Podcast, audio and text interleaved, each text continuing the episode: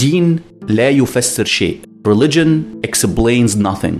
عالم الأحياء الإنجليزي بجامعة أكسفورد وأحد رموز حركة الإلحاد الحديث نيو أثيزم ريتشارد دوكنز في محاضرة شهيرة له في مؤتمر النالافيديون The Nalafidians سنة 1994 طرح تحدي كبير على المؤمنين وقال إن الأصوليين في كل الأديان بشكل كبير صادقين مع أنفسهم ومدركين أن حتى فترة قريبة وظيفة الدين الرئيسية تاريخيا كانت علمية بالدرجة الأولى. تفسير الوجود أصل الكون والحياة.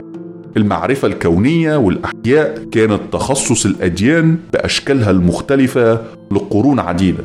أشك إنك لو سألت كثير من الناس اليوم عن تبرير اعتقادهم في وجود الله السبب الأكثر انتشارا هيكون غالبا علمي. معظم الناس بتعتقد بضرورة وجود الله تفسير وجود العالم وخصوصا تفسير وجود الحياة على الأرض لكنهم مخطئين.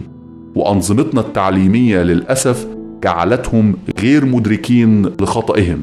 دوكنز بيطرح تحدي قوي أمام الدين وأتباعه. الحجة هي إن الاعتقاد في كائنات خارقة للطبيعة أو من خارج العالم المادي كانت مبررة في وقت من الأوقات لسد الفراغ التفسيري للظواهر الطبيعية اللي احتاجت لتفسير وقتها. الآلهة، الأرواح، الشياطين كانت الطرق المطروحة وقتها. لكن مع تقدم العلم معظم الظواهر دي تم تفسيرها بكيفيات وعمليات طبيعية naturalistic. في وجهة نظر داكنز لا توجد ظاهرة طبيعية من غير الممكن تفسيرها بشكل كامل عن طريق كائنات وعمليات طبيعية. وبمجرد ما هنفقد التبرير اللي دفعنا للاعتقاد في وجود الله في المقام الأول أصبحنا مضطرين للتخلي عن الاعتقاد في كل الظواهر والكائنات الغير طبيعية. وبالتالي الأفراد اللي ما زالوا متعلقين بكائنات وتفسيرات خارج إطار الطبيعة متمسكين بمعتقدات غير عقلانية. من الممكن صياغة حجة داكنز كالآتي. واحد السبب المنطقي الوحيد لأي إنسان إنه يعتقد في وجود كائنات خارجة عن الطبيعة هو وجود ظواهر من غير الممكن تفسيرها بدون تلك الكائنات. اثنين كل الظواهر اللي كان بيعتقد إنه من غير الممكن تفسيرها بدون الكائنات الخارجة عن الطبيعة تم تفسيرها من خلال كائنات أو عمليات طبيعية.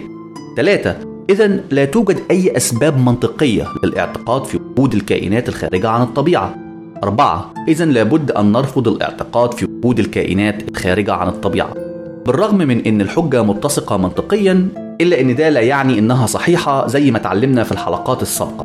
الحجة بتعاني من إشكالية افتراض أن السبب الوحيد للإيمان في وجود الله مبني على تفسير الظواهر الطبيعية في حين إن ده أمر صحيح في كثير من الحالات إلا إن في بعض الحالات الأخرى بعض المؤمنين اعتنقوا أفكارهم بناء على التجربة الدينية religious experience. لكن حتى لو فرضنا إن الاعتقاد في وجود كائنات خارجة عن الطبيعة زي الله لابد انه يكون اعتقاد غير مبني على التجربة الدينية للأفراد لأنها تجربة شخصية subjective غير محايدة.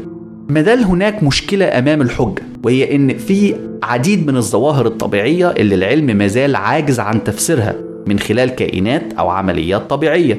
واللي يبدو إن فكرة تفسيرها عن طريق كائنات أو ظواهر خارجة عن إطار الطبيعة أمر جائز جدا. على سبيل المثال الضبط الدقيق fine-tuning الواضح جدا في الكون حتى تظهر الحياة على الأرض زي ما شفنا في حلقة الحجة الغائية من الممكن جدا تفسيره عن طريق اقتراح مصمم ذكي عاقل مدرك للكون. بكل تأكيد في تفسيرات علمية طبيعية للضبط الدقيق للكون على سبيل المثال إمكانية وجود عوالم متعددة multiple universes لكن بكل تأكيد عند كتير من الناس التفسير الخارج عن الطبيعة هيكون مفضل. طالما إن التفسير العلمي غير مدعوم بملاحظات وحقائق طبيعية بعد.